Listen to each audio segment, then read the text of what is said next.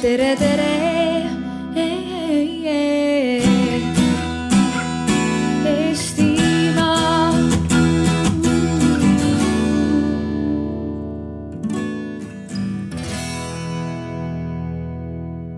Tere pealelõunat ähm,.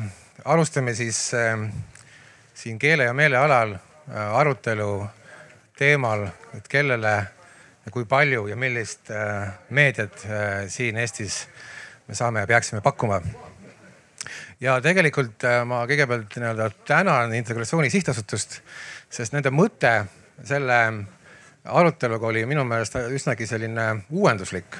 nimelt hakkame me peaasjalikult arutama täna sel teemal, et kui siin erinevate erakondade poliitikud on siin viimastel aastatel rõhutanud seda, et kuidas venekeelne elanikkond, peaks aina rohkem, rohkem ka näiteks haridussüsteem üle minema eesti keelele siis äh, lahtine on küsimus, et mis, mis saab siis, kui need inimesed tõesti muutuvad Nende eesti keel paraneb aina ja aina, nad hakkavad tarbima eestikeelset meediat üha rohkem. kas see tähendab midagi ka eestikeelsele meediale, kas eestikeelne meedia peaks kuidagi muutuma, hakkama käituma teist, teistmoodi, kirjutama teistmoodi, tegema hoopis teistsuguseid saateid, arvestades, et ühtäkki oleme mõnes mõttes paradoksaalses olukorras, kus eesti, eesti keel on korraga nii-öelda rahvastevahelise suhtluse keel ja eestikeelne meedia samamoodi Äh, seda, seda, seda, seda ruumi tarbib, tarbivad inimesed, kelle nii-öelda eelsättumus, kelle emakeel, kelle kultuuriline kontekst võib olla hoopis teistsugune, hoopis erinevad. ja sel teemal me täna hakkamegi arutama. Äh, meie äh, ar arutlejad täna on esmalt siis Jüri Nikolajev, ERR-i töötaja Ida-Virumaal Narvas. Narvas täpsemalt, konkreetsemalt siis Ilmar Raag Ähm, filmitegija, aga mõni aasta tagasi, mõned aastad tagasi tuntud ka kui Eesti riigi strateegilise kommunikatsiooni eest seisja, eestvedaja Äh, edasi Peeter Helme, Postimehe peatoimetaja.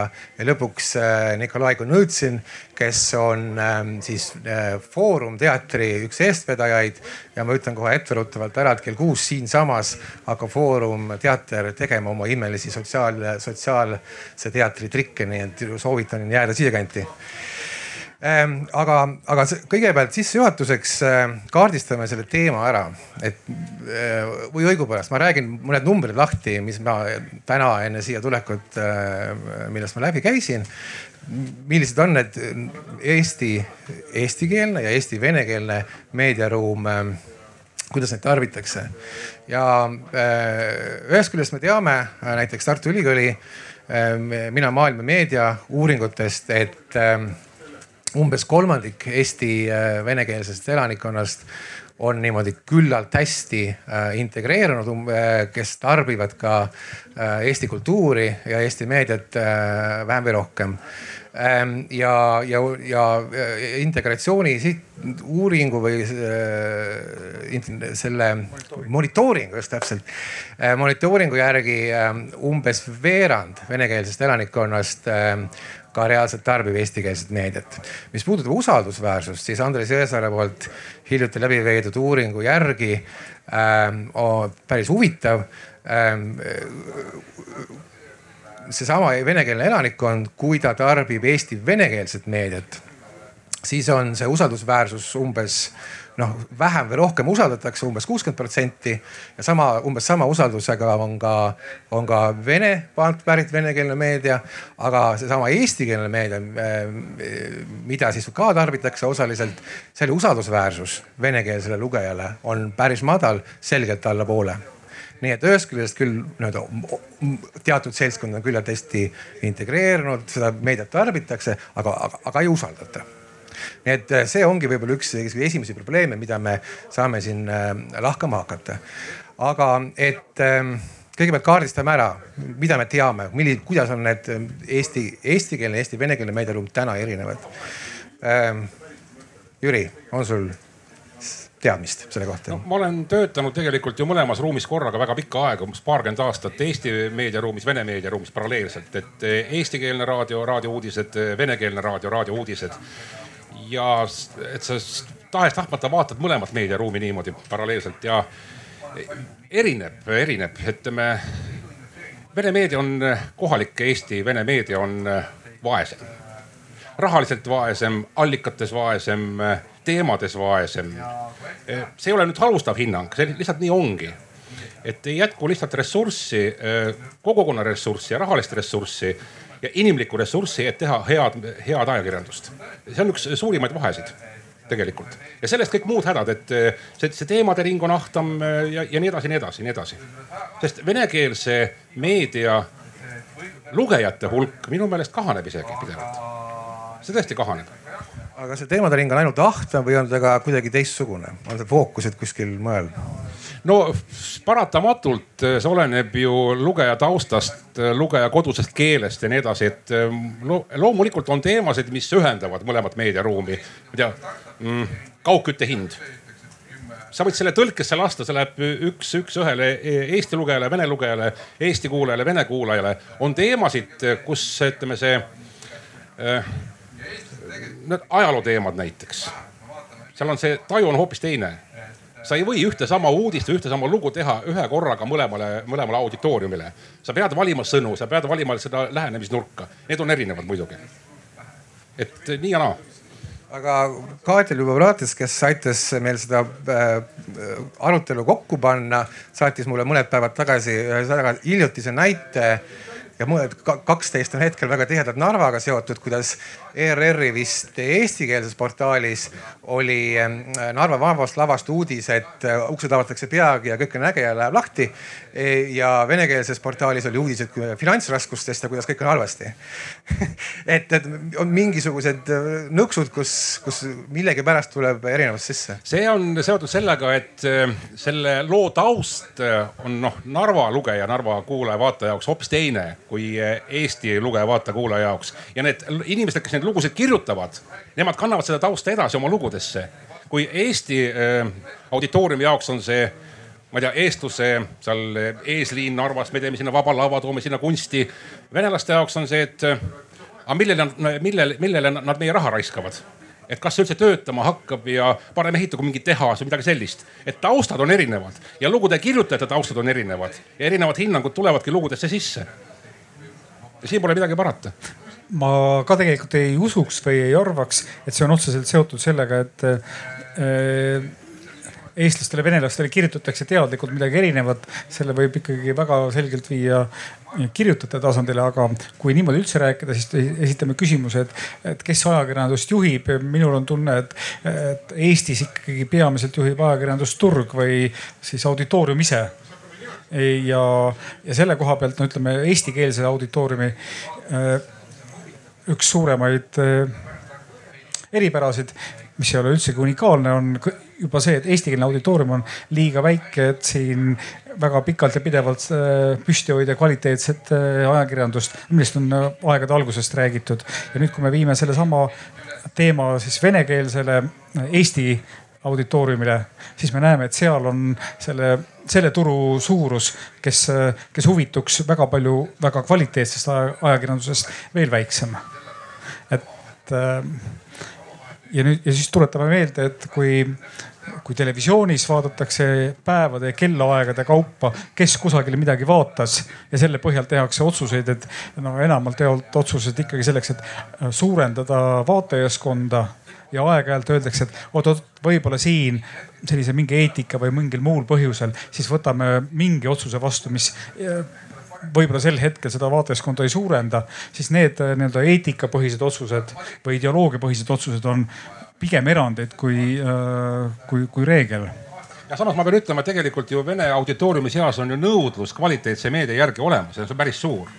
ja just selle, selle, et on seda kvaliteetset meediat on vähem, sellepärast loetaksegi tihti ka eestikeelseid väljaandeid sest seal on ju teemade valik on ju, on ju avaram ja see teemade lahti mõtestamine on ju parem, parema kvaliteediga. tegelikult, kui me praegu hakkasime rääkima, siis mina tajusin järsku seda, et, et ma tõepoolest jälgin teataval määral venekeelset meediat, aga, aga ma teen seda läbi siis äh, Medusa Eha Moskvõi Doždi, mis näitab minuga sellist äh, suundumust äh, aga, aga seejuures ma siis üritan ka filtreerida seda, kus nad võib-olla lähevad üle piiri, et et leida üles see, mida, mida ma, millesse ma siis usuksin, aga ma ei leia midagi võrdväärset noh nii peavoolus Eesti meedias. võib olla küll see, et, et kui ma siis juhtun lugema või nägema äh, Raadio nelja või ETV Plussi, siis, siis küll ma olen Raadio nelja kuulaja pidevalt, seda küll Nikolai, ma tean, et sina oled, äh, ennist jätsin ütlemata, et sa oled ka Tallinna Ülikooli politoloogia lektor. Ähm, et ma tean, et sa oled läbi viinud mõned aastad tagasi üsna süsteemselt Eesti venekeelse ja Eesti eestikeelse meediaruumi äh, monitooringuid ja võrdlusi, et milline sinu nägemus, et või teadmine, et kuidas nad erinevad on? tere ka minu poolt. Ähm, ma arvan, et esiteks peab jah seda üle kordama veel ja veel, et need meediaruumid on väga erinevad et äh, siin on sihuke ahvatlus äh, esiteks käsitleda kohalikke venelasi nii-öelda homogeense massina, et neil kõigil on samasugused mured, samasugused tahtmised, aga nad on ka väga-väga erinevad. Ja sellest lähtuvalt on ka see ajakirjandus äh, teistsugune. Et mis mina peaks, tooksin välja sihukese peamise murekohana on just see originaalloode puudus. Et meil on äh, venekeelne, Eesti venekeelne meedia on suuresti tõlgitud eestikeelne meedia arvamuslood on väga-väga väheldased, et äh, mina nagu sisuliselt paar aastat tagasi otsustasin, et äh, mul pole mõtet dubleerida, et ma loen sama asja kõigepealt eesti keeles ja siis vene keeles, sest tihtilugu need on tõlkelood. ja siis ma jälgin nii igapäevaselt peamiste Eesti meediakanalite arvamusrubriike, et kui palju seal on, palju seal lihtsalt arvuliselt ilmub, et kui me korraks jätame kvaliteedi kõrvale, et palju seal arvuliselt ilmub neid lugusid ja noh, pole täiesti harv juhus, kus äh, on üks arvamuslugu kolme-nelja päeva peale.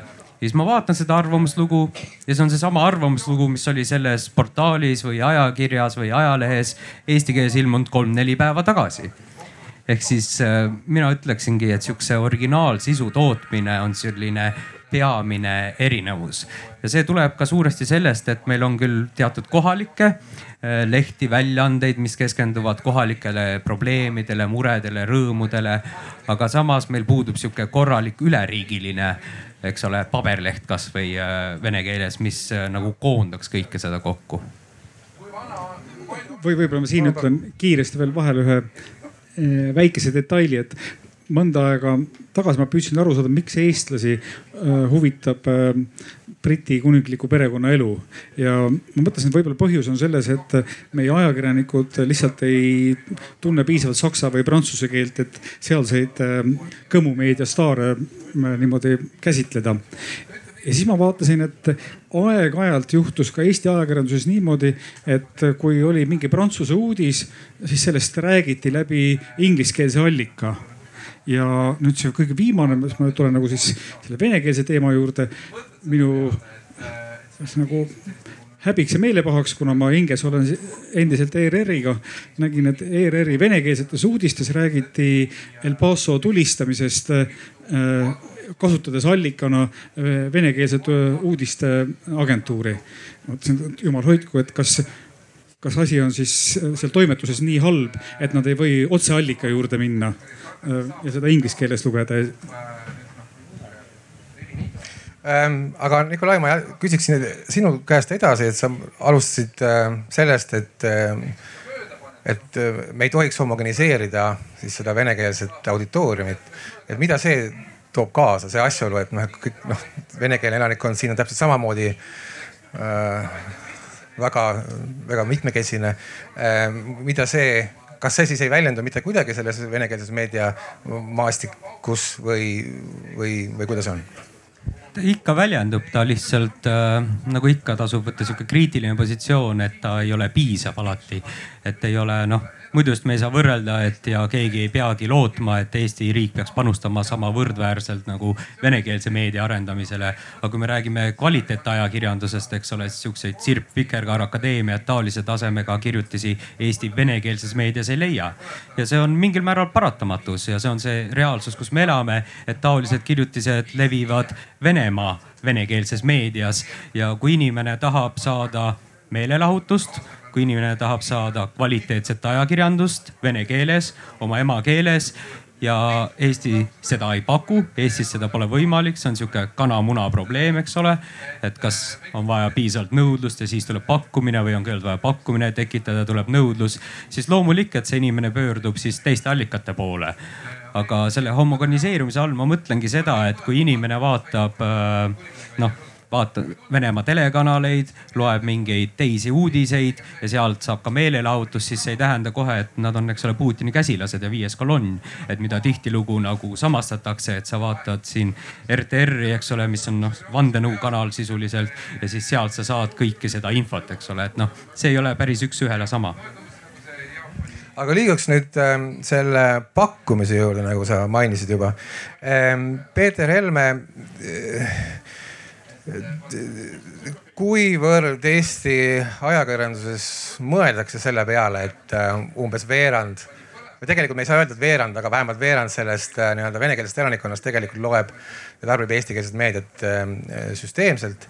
et selline lugeja teiste, teistsuguste eelsättumustega on olemas. nojah, eks igal lugejal on mingisugused oma sättumused ma julgen kõigepealt alustuseks väita, et äh, ega üks äh, kirjutaja, üks ajakirjanik liiga palju ei mõtle, kellele ta kirjutab ja, ja see on mingis mõttes loomulik, et tegelikult oled sa ajakirjanik või kirjanik.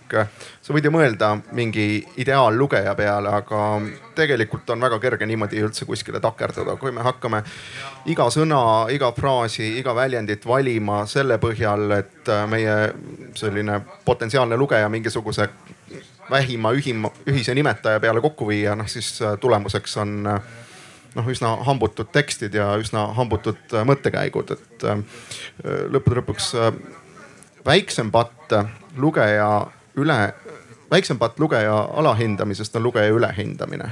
üks tekst võib alati oodata lugejalt natuke rohkem kui et pidada lugejat lollpeaks, see on alati lugejale suurem solvang, aga noh, vähemalt see on minu enda seisukoht, mina vähemalt lugejana võtan seda nii, et kui üks tekst on natuke keeruline ja nõuab, et ma autoriga kaasa lähen ja katsun tema mõttekäikude või tema sõnastusega äh, kuidagi suhestuda nii, et see nõuab minult pingutust, siis see sobib mulle, aga kui ikkagi tekst äh, arvestab sellega, et võib-olla ma ei jaga kõike, võib-olla ma ei saa igast sõnast aru, võib-olla ma ei tunne seda konteksti, noh siis tekib kohe selline tunne, et mind alahinnatakse, nii et selles mõttes ma arvan, liiga palju ei peakski mõtlema sellele, kes see lugeja nüüd on ja mis on tema emakeel, et eh, eelkõige peab üks tekst olema ükskõik, kas see on ajakirjanduslik tekst, õiguslik tekst, eh, ilukirjanduslik tekst, eh, ta peab olema hästi kirjutatud, hästi sõnastatud, loogiline, arusaadav, siis on ta nauditav kõigile, nii et nii et ma julgen väita, et sellele liiga palju ei mõelda ja ma arvan, et sellele võib-olla ka ei pea liiga palju mõtlema. et äh, mingisuguses üldises mõttes loomulikult iga toimetus peaks enda jaoks sõnastama selle, et mis laadi ajakirjandust me teeme ja selle kaudu ka kellele me seda teeme. aga nüüd äh, kui iga teksti puhul, kui see ei ole just tõesti spetsiifiline tekst a la näiteks õiguslik tekst, tehnikaalane tekst või lastele kirjutatud tekst, mille puhul on kuidagi see teema ja sihtrühm juba kindlam, siis iga teksti puhul ilmselt ei pea liiga palju ennast ka piinama nende mõtetega, sest siis juhtubki see, et me hakkame konstrueerima mingisugust äh, maailma, mida tegelikult ei eksisteeri ei selle kirjutaja ega selle lugeja jaoks ja ma, ma olen Peetriga nõus, aga et, et ei, me ei peaks nüüd iga sättunute hulga peale mõtlema, siis me teeme, lihtsalt killustame selle ajalehe nii ära või mingi meediaväljaande. samas on olnud olukordi, et kus nagu peaks ka tajuma, et äh, näiteks mul on üks kogemus Vikerraadiost, äh, see on vist üheksakümnendate lõpust kui Narvas keelekursustel soovitati tungivalt kuulata Vikerraadio hommikuprogrammi. kuulake, saate keelekogemuse, keele maitse ja siis helistab mulle keeleõpetaja, ütleb, et kas ei saaks Jüri äh, rääkida Vikerraadio hommikutoimetajaga, et nad ei laseks neid laule, kus kutsutakse üles venelasi tapma. Need metsavendade laulud. eestlaste jaoks normaalne lugu venelaste jaoks kuulatuna natuke imelik, eriti kui sa veel keelest aru saad, nii et neid äärmusi võib, võib ette juhtuda. no muidugi kõike võib ette juhtuda ja, ja noh, kõik kõigest tuleb ikkagi juhinduda sellisest tervest mõistusest ja mingisugusest pieteeditundest ka ja eriti kui tegu on keeruliste teemadega, siis noh, ma arvan vähem isegi kui sellele, et, et millisest rahvusest see lugeja on, peaks lihtsalt üldinimlikult mõtlema, et olgu tegu näiteks mingisuguste keeruliste krimilugudega või, või ka tõesti Eestis pidevalt ju tõusetuvate keeruliste lugudega rahvussuhetes, siis noh, see on mingisugune selline terve mõistus ja üldinimlik empaatia peab alati säilima, sõltumata sellest, kas nüüd see potentsiaalne lugeja on eesti emakeelega emakeelega või on ta vene emakeelega või äkki on tegu hoopis mõne Eestis oleva äh, saatkonna töötajaga, kes oma emamaa jaoks seda teksti loeb ja tõlgib.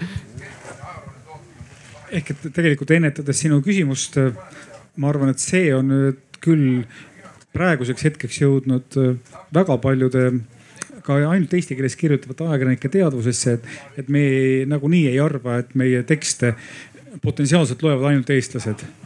Ehk et äh, alast, alates sellest, et äh, et need äh, kõik kuulsad ja lendu läinud laused, mis on eesti keeles öeldud, ega nad on öeldud ka selle teadmisega, et, et võib-olla korjatakse neid ka mujalt ülesse ja noh, selle, sellega juba arvestatakse. ja aga samas me ei tohi, ütleme mingit lugu tehes või ajalehte välja andes eeldada, et kõik, et kogu see lugejate mass nüüd selle peale vaimustusse läheb et nagu eeldatakse, et, et, et millegipärast peab vene lugejaskond, vene kuulajaskond äh, erutuma väga laulupeost, mis läheb eestlastele väga korda, aga venelastele mitte eriti ausalt öeldes sellega peab arvestama, siis kui öeldakse, aga miks venelased ei tunne huvi meie laulupeo vastu aga see ei ole, see ei ole vene, vene kultuuriruumile üldse omane asi. iseasi, kui mu laps laulab seal või tantsib, siis veel vaadatakse, aga no laulavad ja siis no seda oli jah hästi palju siin laulupeo aegu, et miks ikkagi ETV Pluss seda kuidagi piisavalt ei kajasta, eks ole. Nikolai, sul oli arvamus ja siis Peeter Äh, ja ma arvan, et see, mis Jüri tõi välja, on nagu väga sihuke oluline punkt on, et mis selle nii-öelda venekeelse meedia eesmärk võiks olla, et äh, me räägime hästi palju viimased kakskümmend aastat lõimumisest, eks ole, aga kas siis selle venekeelse meedia eesmärk peaks olema see, et nii-öelda venelased saaksid rohkem eestlaste sarnaseks, et see meediaruum oleks sama. et äh, mina nagu ei usu seda, et selles mõttes, et see erinevus nende meediaruumide vahel on normaalne, see peab säilima, et laseme noh erinevatel inimestel olla need, kes nad on, eks ole, et me ei pea sulandama kõiki kokku ühesuguseks no tegelikult, kui me nii kaugele oleme jõudnud, siis võime ju ütelda, et äh, mis, ega eestikeelne meediaruum ei ole ka sugugi homogeenne, eriti sotsiaalmeedia ajastul ja ma arvan, et, et me leiame seal ka mulle, mis äh, noh, mis me nagu teame, pigem ju vastanduvad üksteisele, kui üksteisele sarnanevad. Äh, aga venekeelne meedia Eestis, mis e-, mis tema ülesanne või eesmärk on kas ta saab olla mingit muud eesmärki kui see, mis on eestikeelne meedia eestlastele või mingis muus keeles, et see on lõpuks ikkagi mingisuguse kogukonna omavahelisi sidemeid vahendada. Noh muidugi üks venekeelne meedia Eestis omamoodi spetsiifiline nähtus on just selle tõttu, et kuna siin kõrval on olemas äh, venekeelne meedia Venemaal ja, ja see näiteks ju päris hästi joonistub välja, et kui me vaatame ka venekeelse Postimehe sellist veebistatistikat siis äh, väga sageli meeletult klikke ja meeletult loetud sekundeid koguvad kõikvõimalikud äh, horoskoobilood. ja seal on ju ka näha, milliste maade aadressidelt sinna tullakse ja seal näeme siis, et Nõukogude Liit on täiesti olemas, et neid igasuguseid jaburaid horoskoobilugusid tullakse lugema ka Kasahstanist ja, ja Kaukaasia riikidest ja igalt poolt, et see, et need ületavad täielikult igasugused nii-öelda Eesti meediavälja piirid. mul endal on väike puu, puude, puude mis puudutab äh, venekeelse, Eesti venekeelse meedia eesmärgistamist, ma olin lähedalt seotud otsuse tegemisega, mis puudutas ETV Plussi nii-öelda rahastamist ja, ja sisseseadmist. Äh, ja siis sai räägitud sellest, et, et, et ei, et see, see venekeelne meedia ei pea olema mingisugune globaalpoliitiline võitlustanner, vaid see peab olema lihtsalt selleks, et Eesti venekeelsele elanikule noh, Eesti elu ära seletada. usaldusväärselt. jah, usaldusväärselt ja, ja tasakaalustatult ja nii edasi ähm,. elu ära seletamine lihtsalt, et nad ei jääks elust kõrvale ähm,.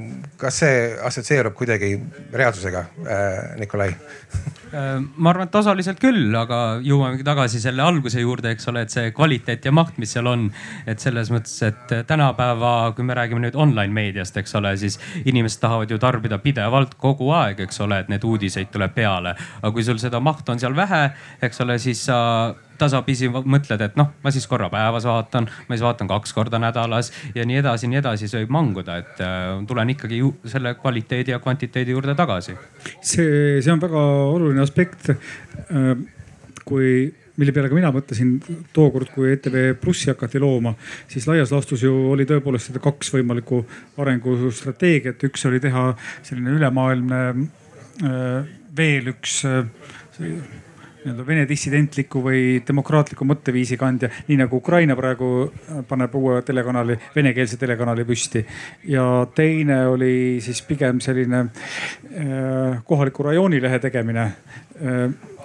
Ameerikas see selle teise mudeli mõte laias laastus on see, et kui me vaatame, kuidas seal network'id toimivad, siis need kohapealsed äh, äh kana- äh,, jaamad äh,, afilieerunud jaamad äh,. Nende vaataja huvi tugineb just kohalikele uudistele, et sa vaatad kogu päeva neid äh, üleriigilisi uudiseid ja siis on sul õhtul mingisugune tund-kaks kohalikke uudiseid ja see määrab ka selle ära, mis on selle, selle kanali selle hetke nagu põhireiting, et tihtipeale need kohalikud uudised on ju seal kõrgema reitinguga kui muu üle, üleriiklik programm. et iseenesest see kohaliku huvi aspekt väga pikka aega televisioonis oli ikkagi üks tugevatest motivatsiooniveduritest.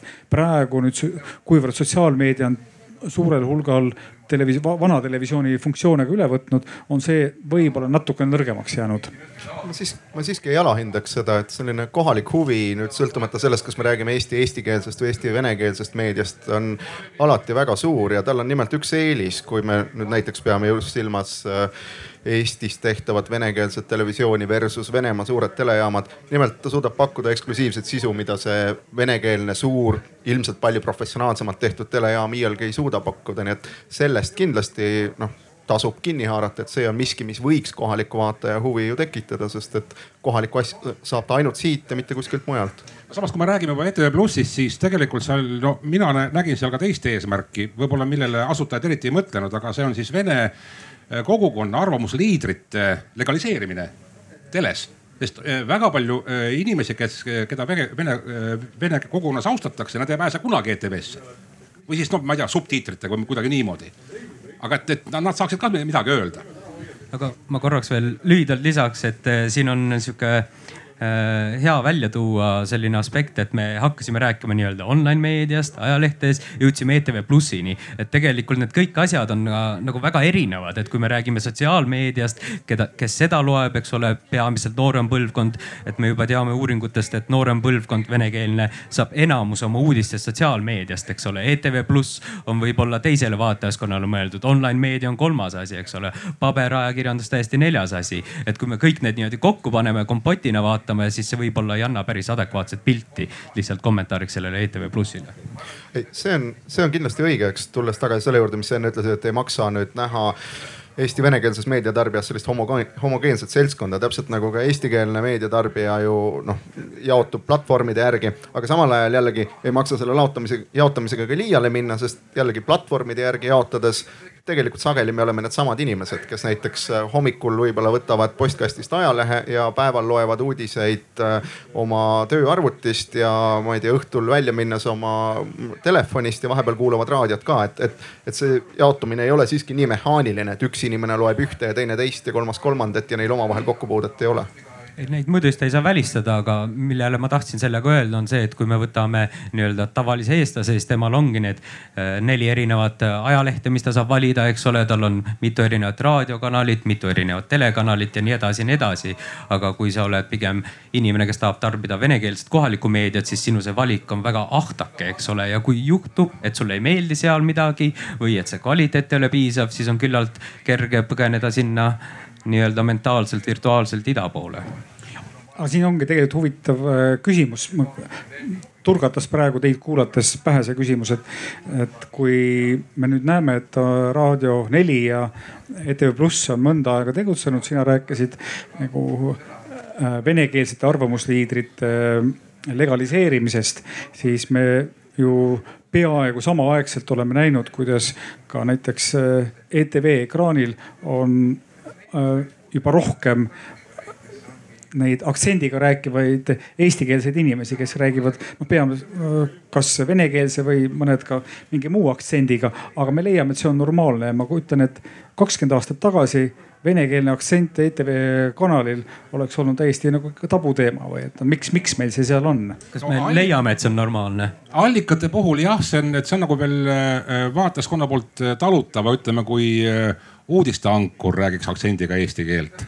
kas see on üldse võimalik, ma, ma ei usu no,. kisa, kisa tehti ju siis, kui rääkis Saaremaa aktsendiga no. ja mäletame seda furoori aastavahetusega, eks ole. ja, ja Anton Aleksejev Moskvast, tal on lubatud see, tema saab. tema on erand. jah, tema on erand aga, aga, aga kas see oleks siiski üks tee, et ma siin nädal aega tagasi Jürile ja Ilmarile rääkisin, et, et kui äh, umbes viisteist, viisteist aastat tagasi oli need suured autopõletamised ja massiprotestid, äh, siis mille fookuses olid äh, Prantsusmaa araabiakeelne elanikkond, kes selle, kes selle põhjustasid ähm,. siis mis see lahendus tol hetkel oli, oli tuua see nii-öelda araabiakeelne, araabia aktsendiga rääkiv ja araabia nägu äh, Prantsuse teleekraanile. Nad reaalselt aset panid sinna mõned sedasorti uudiseankrud, et näidata, et me räägime teiega ühes keeles, eks ole. kas see peaks olema ikkagi mingisugune teadlik strateegia, et, et selline nii-öelda vene aktsendiga rääkiv inimene Äh, räägiks, esineks, oleks olemas selles eestikeelses meedias, et oleks äratuntav kodune ka sellele Eesti venekeelsele auditooriumile. seda on olnud ju tegelikult, sest Kanal kahest oli üks saade, kus üks vene poiss rääkis väga suure aktsendiga, aga väga grammatiliselt õiget eesti keelt, mul ei ole mitte midagi ette heita. ja, ja see töötas. seda vaadati selliseid asju võib muidugi teha ja, ja ma arvan, et see on täitsa hea, et seda teha, aga natuke teisest valdkonnast näide, et noh, Saksamaal on ju suuri probleeme türklaste ja kurdide integreerimisega. ja Saksa riik on tohutut raha kulutanud sellele, et saada türklasi äh, Saksa politseisse ja neid töötab seal tõesti selleks, et nad saaksid siis oma nii-öelda patsientidega suhelda neile arusaadavas keeles. ja samas ei ole ikkagi selles mõttes midagi muutunud, ikka on olukord see, et umbes kolmandik Saksa türklastest on hästi integreerunud, umbes kolmandik kehvasti, umbes kolmandik üldse mitte. ehk siis tegelikult on suudetud leida nii-öelda sotsiaalsed töökohad nendele, kes niikuinii oleksid valmis, kes niikuinii tahaksid integreeruda ja nendele, kes ei taha, neile ei pääseta ikka ligi, nii et noh, ma ei taha nüüd öelda, et see kõik nii lootusetu on ja nagu öeldud, ma arvan, et see on täitsa tore ja seda võib ja teab, peab tegema, aga ma ei usu, et see selline suur võluvits on. see ei ole võluvits, aga see annaks inimestele julgust rääkida eesti keelt vigaselt natukene aga me, me räägime ju siin sellest, et tegelikult äh, keskselt juhitud ajakirjandust Eestis ei ole. lõpuks on see ikkagi toimetuse valik, toimetuse valik, kas ta valib ühe või teise, teistsuguse tee ja, ja lõppkokkuvõttes mina olen nagu pigem selle, selle pooldaja küll, et ähm, kui me räägime sellisest konfliktisituatsioonist Äh, siis noh, kõige, kõige hullem on siis see, kui ka siis meedia tegelikult sellise raamistuse mõttes äh, toetab juba konfliktis välja kujunenud äh, nagu vastandumist, et noh näiteks et kas siis eestlased venelaste vastu või seal Saksamaal eestlased türklaste vastu. et küsimus ei ole selles, et see päriselt kusagilt tänavalt ära kaoks, vaid selles, et oleksid nagu kokkupuutepunktid, mis annavad võimaluse hiljem sellest konfliktist ka välja tulla mina räägin päris puhast eesti keelt, eks ole, nii et kui mina läheksin telekanalisse, kas see oleks venelane rääkimas eesti keelt, et kas see oleks kas see täidaks seda eesmärki, et rääkida aktsendiga eesti keelt, noh. mitte, peaaegu mitte, peaaegu mitte. provotseerivalt küsima, aga jätkates siit, siis äh, ma tahan öelda seda, et äh, noh, rääkides siin nii-öelda politoloogi seisukohast, siis selline kontakt ainuüksi ei piisa. et inimene näeb nägu, kes räägib nii-öelda natukene aktsendiga või vigast eesti keelt, et see, ma arvan äh,, nagu väga halba midagi ei teeks. ja kindlasti see ei ole võluvits, mis midagi lahendaks, et selles mõttes, et lihtsalt kontaktist sellisest ei piisa. et see on ikkagi peegeldus sellest, mis päriselt on. jah, et äh, iseenesest ei ole ju sellega mõtet, kui me nii-öelda selliseid näidisvenelasi kuskile ekraanidele toome, see pigem võib ju mõjuda täiesti alandavalt ja, ja nõmedalt ja kunstlikult ja võltsilt ei, ei absoluutselt, ma olen sellega nõus, et tähendab see, et nii-öelda näidis või pakasuhha äh, inimeste tootmine, et selle puhul ju me ju kõik saame aru, mis, mis on see päris asi ja meie, mille puhul toodetakse seda kunstlikku reaalsust. noh, noh ütleme, kui me näeme reklaami, siis me üldiselt ei arva, et inimesed päriselt niimoodi elavad, äh, kui, kui see, mida reklaamis näidatakse. Äh, siis see sõnum on, et pigem mitte. ei, ei, ma, ma tahan seda öelda, et, et äh, kui seda, seda saab teha toimetuse valikul ainult sellisel doseeritud viisil, et, et nii-öelda tuuakse ekraanile see reaalsus, mis tegelikult on päriselus olemas. et ehk siis no, nagu, mis selle asja eesmärk on, et kas see eesmärk on saada lihtsalt venelane sinna või ikkagi saada? eesmärk, no, eesmärk on representatiivsus, eesmärk on see, et ekraanil olev tegelikkus sarnaneks sellele, millega inimesed võiksid päriselus kokku puutuda jah, et eesmärk peaks olema teha head ajakirjandust, mis kajastakski tegelikkust, eks, aga mõtlesin üks selline natuke teine teema võib-olla, aga mul kuidagi tuli praegu pähe, nii et ma siiski toon selle sisse, et üks selline naljakas nähtus on meil ju ka olemas nagu sellised vene arvamusliidrid, kes eksisteerivad ainult eestikeelses ajakirjanduses ja keda venekeelne Eesti ajakirjandus omaks ei taha võtta. Aga teine, ütleme e-, eesmärk sellisel nii-öelda Eesti venekeelse kogukonna liikme Eesti eestikeelsesse meediasse toomisse on jah, et üks asi on see pakasuhha näitamine, et on olemas. teine asi on see, et nende võimalike teistsuguse perspektiivide kaasamine, eks ole ma, ma toon ühe näite, selle, mis on nüüd mitte otseselt meediast, aga äh, Narva kultuuripealinn äh, kaks tuhat kakskümmend neli programmis oli üks projekt, mis mulle tegelikult väga meeldis. sellega tulid välja teatriinimesed ja see nägi välja umbes niimoodi, et, et esialgne mõte oli, et kas võiks teha mingisugust etendust, mis enam-vähem paralleelselt oleks ühel pool jõge kindluses, mõlemates kindlustes. ja siis äh, idee oli võtta äh, mingisugune ajaloos toimunud sündmus, millel oleks erinevad vaatenurgad, teatud äh, paradoksid ja teha seda niimoodi, et, et Peterburist tuleb teater, kes äh, läheb Eesti poolele ja mängib selle loo Eesti-poolset vaatenurka, võttes Eesti-poolsed positsioonid. ja tuleb Eestist teater, kes läheb Ivangoroodi ja mängib äh, sellesama sündmuse äh, nii-öelda venekeelset vaatenurka e ja see mulle, selline variant tundus juba väga huvitav ja see on selge voluntaristlik lähenemine. ja ma olen sellega kokku puutunud oma töö jooksul, et näiteks kahekümne kuuendal juulil tähistatakse Narvas Narva vabastamise aastapäeva igal aastal. ja kuidas sa siis, et need sõnu valid? Narva vabastati, Narva vallutati, Narva hõivati, sakslased taandusid, aeti põgenema. see on iga-aastane valik, kui sa teed vene keeles midagi, mingit lugu uudiste puhul on see muidugi to tohutult palju raskem, ma mõtlen teatrietenduse puhul sa jõuad selle nii-öelda inimsaatuse sinna sisse panna, kus sa, kus see emotsioon või empaatia muutub olulisemaks kui see nagu üheselt märgistav sõna.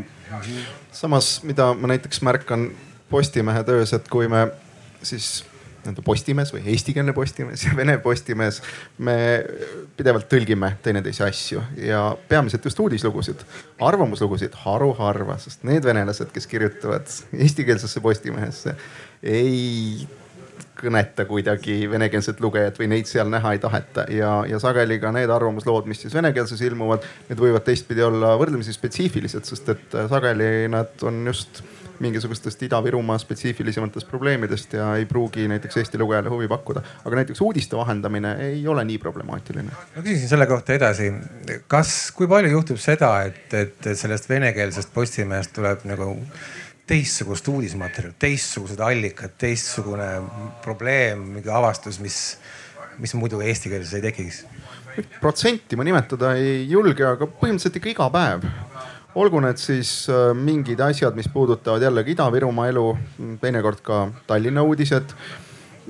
päris palju tuleb tegelikult ikka mingeid asju, olgu see, ma ei oskagi öelda mingid Ida-Virumaa kommunaalprobleemid, äh, mis siin hiljuti oli, üks mingisugune lõbus, äh, sa kindlasti tead, Narva parkimiskohtadega oli mingi absurdne lugu, kus mingisuguseid elanikud tahtsid mingeid parkimiskohti säilitada, mis neile tegelikult ei kuulunud, mingi täitsa kurioosne asi nii et, nii et tegelikult jah, seda ikka juhtub iga päev.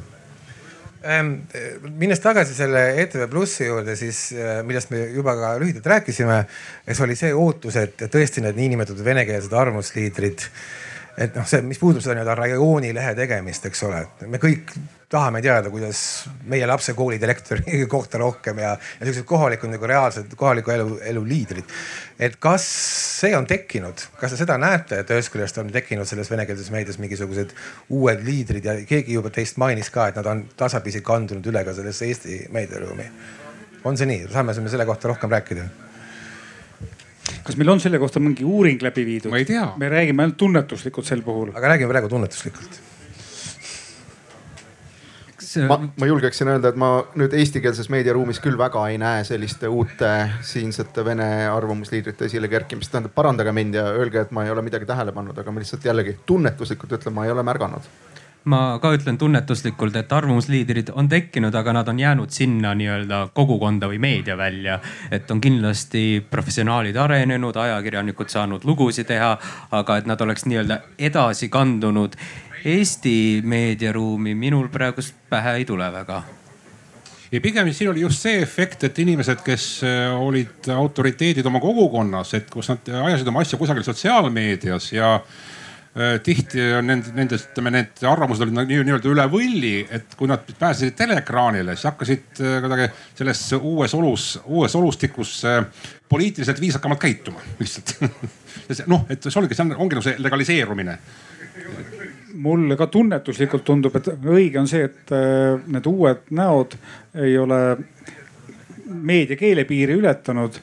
aga kui me tunnetuslikult räägiksime sellise venekeelse kogukonna meedia jõustamisest, kasutad seda sõna, siis, siis sinna on küll uusi nägusid ilmunud. Ja, aga sellega on ka omamoodi probleem, sellepärast et eh, nagu ma kõige alg alguses ütlesin, et see meedia, eh, Vene meediaruum ongi ahtakene, alates ressurssidest, lõpetades inimestega, siis nende inimeste leidmine elektroonsesse meediasse eriti veel no, väga raske. see on, see on küll väga suur see probleem, et mis ühe, ühest küljest ETV Plussis juba omal ajal inimeste leidmine, kes, kes seal veel võiksid teha, keda me veel juba ei tea, oli väga raske. ma arvan, et, et kui ei midagi muud, siis on praegu siis siiski kasvanud peale üks uus äh, noorte põlvkond, keda on kohati isegi üle koolitatud, sellepärast et vahepeal oli ju siin tohutul hulgal kõiksuguseid koolitusi eh, noortele Vene ajakirjanikele. sest eh, lääneriigid tahtsid kõik pakkuda midagi, aidata, aga ei olnud sobilik, ükski teine vorm ei olnud sobilik, ainult siis see koolituste pakkumine Sarga, mul käib küsimus, et, et mida me siin ikkagi arutame, kas me arutame ikkagi seda, seda teemat, et millal need venelased eesti keele ära õpivad ja Postimeest lugema hakkavad? Või siis ikka me, et, et me jätame alles venelastele oma meedia, mida nad saavad siis rohkem usaldada kui Eesti meediat? Või mis nagu see mõte on? ei, aga ma, ma arvan, nagu sellist asja peaaegu ei ole mõtet arutada või see ei ole niipea juhtumas, et see venekeelne meedia ära kaob, selleks peaks võtma riigi tasandil mingi ukaasi vastu, mis keelab selle. aga seni, kuni keeldu ei ole, seni on olemas ka see tarbija, mis mingisugusel kujul seda venekeelset meediat tarbib ja nii lihtsalt on jah, sest mul on, mul on rääkinud tuttavad kommunikatsiooniinimesed neid lugusid, kuidas äh, kommunikatsiooni juhtkonna vahetusel muutub kogu asutuse poliitika, et kõigepealt öeldakse, et nii, las nad venelased õpivad ära eesti keele ja siis me kommunikeerime kogu oma neid äh, signaale eesti keeles. siis selgub, et sellest on, tekib suur jama, keegi midagi ei tea, keegi midagi aru ei saa. tuleb uus kommunikatsioonijuht, ütleb, et okei okay,, teeme venekeelse paralleelkommunikatsiooni toimib, siis tuleb uus kommunikatsioonijuht, ütleb, et nii, nüüd me korjame selle venekeelse poole ära, las õpivad ära eesti keele ja, ja nii see käib niimoodi aastaringselt. riigi kommunikatsioonis see töötab või valitsuskommunikatsioonis see töötab äh, äh, vastavalt äh, siis valdkonnale mm, -hmm. sest on teatud elupäästvad nii-öelda valdkonnad, et sa meditsiini või ka siis politsei asja sa ei saa loota, et väga ajakriitilises olukorras, kui sul on ainult üks keel, et sa siis selle viie minutiga teise keele ära õpid, et see ei ole võimalik, seal lihtsalt paralleel äh, kommunikatsioon on noh nagu möödapääsmatu. samas ma saan aru, et äh, võib-olla mõnes muus valdkonnas äh, seda sundust nii palju ei ole ja kohest katastroofi ka mitte. Ja siis tõepoolest kommunikatsioonijuhtidel võivad tekkida nii ühte kui teistpidi mõtted no äh, vastates kiirelt küsimusele, et mille üle me siin arutame äh,. ma arvan, me arutame ilmselt just selle paradoksaalse olukorra kohta, et me ei saa ühte keelata, teist me saame võimestada ilmselt suhteliselt keeruliselt äh,. ja küsimus ongi see, et kuidas selline kummaline ökosüsteem, mis opereerib kahes keeles ja kus on need majanduslikud argumendid, miks üks ei saa hästi tegutseda ja teisest küljest noh, toimub tegelikult ikkagi ajapikku sihuke nagu tasahilju kokkukasvamine, needsamad inimesed ikkagi vähem või rohkem ja, ja ka seesama auditoorium vähem või rohkem hakkavad suvestuma, aga meil on ikkagi, ma arvan, paar aastakümmet vähemalt minna. ma küsin, omaette küsimus on, kas meil saab siin olla üldse mingit nii-öelda normatiivset eesmärki, et kas meil on, kas me tahame midagi saavutada, eks ole. ja kui me siin nädal aega tagasi seda kergelt arutasime, siis me jõudsime selleni, et noh, tegelikult me ei saa ju öelda, mis see hea on, eks ole. aga tõenäoliselt mingisugune noh, kultuuride äh,, elanikkonnagruppide omavaheline dialoog, suhteliselt sarnane inforuum, et, et see dialoog oleks noh võimalik äh, võiks olla tõenäoliselt küll üks äh, eesmärk. siin on tähtis ju see usalduse küsimus, millest sa alustasid, et, et venelased tarbivad Eesti meediat, aga ei usalda et vot see, see on see probleem, et just äh, auditooriumis usalduse kasvatamine nende allikate vastu, et kui jah, et Eesti meedia on selles mõttes, ta on äh, äh, rikkam teemade poolest, ta teeb oma tööd paremini. Vene meedia võib-olla teeb oma tööd hullemini, aga see usalduse küsimus, et seal on inimesed minu kogukonnast, keda ma usaldan et, et see, et see oleks et kui saaks Vene meedia kvaliteeti kasvatada, nii et sellele usaldusele järgneks ka kvaliteet, see oleks suurepärane. et see on nagu teema.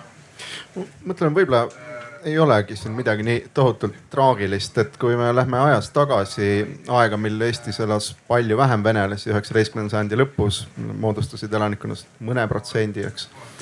ka, ka siis ju üritati Eestis teha venekeelset ajakirjandust ja ilmus ju siin ajalehti, et äh, et selles mõttes ma arvan, see normatiivne eesmärk ei peaks kindlasti olema, et ühel päeval ei ilmu Eestis ühtegi venekeelset väljaannet, et noh, see lihtsalt ei ole mõeldav, et ka siis, kui Eestis võib-olla neid inimesi demograafiliste protsesside või kes teab, mille mõjul, kes vene keelt oma emakeelena räägivad, on ainult mõni protsent. ma olen kindel, et ka selles seltskonnas on ikkagi huvi teha omakeelset ajakirjandust, isegi kui see on ainult mingi selline väga põlve otsas tehtud trükis ja noh, ja nii see on ja minu meelest ei ole, see ei ole selles mõttes üldse mingi teema võib-olla siis järeldus ongi see, et me äh, siin ütleme, et äh, et nagu midagi hullu väga ei ole, aga kui ma otsiksin ka eesmärke, siis ma, mina rõhutaksin seda vajadust, et äh, kogukondade vahel toimuks mingisugune dialoog. et see, et ükskõik missugune see teine kogukond on, aga me vähemalt nagu teaksime, kes ja mis ja me, nad on ja et me saaksime nendega räägitud ja see ühine inforuum on hästi oluline ja, ja minu meelest see, et me saaksime nendega räägitud, see peaks olema kindlasti midagi palju enamat sellisest nõukogudeaegsest ideaalist, et eestlane peab oskama vene keelt selleks, et venelasele teed juhatada. noh, see on, noh, see on lihtsalt piinlik, eks.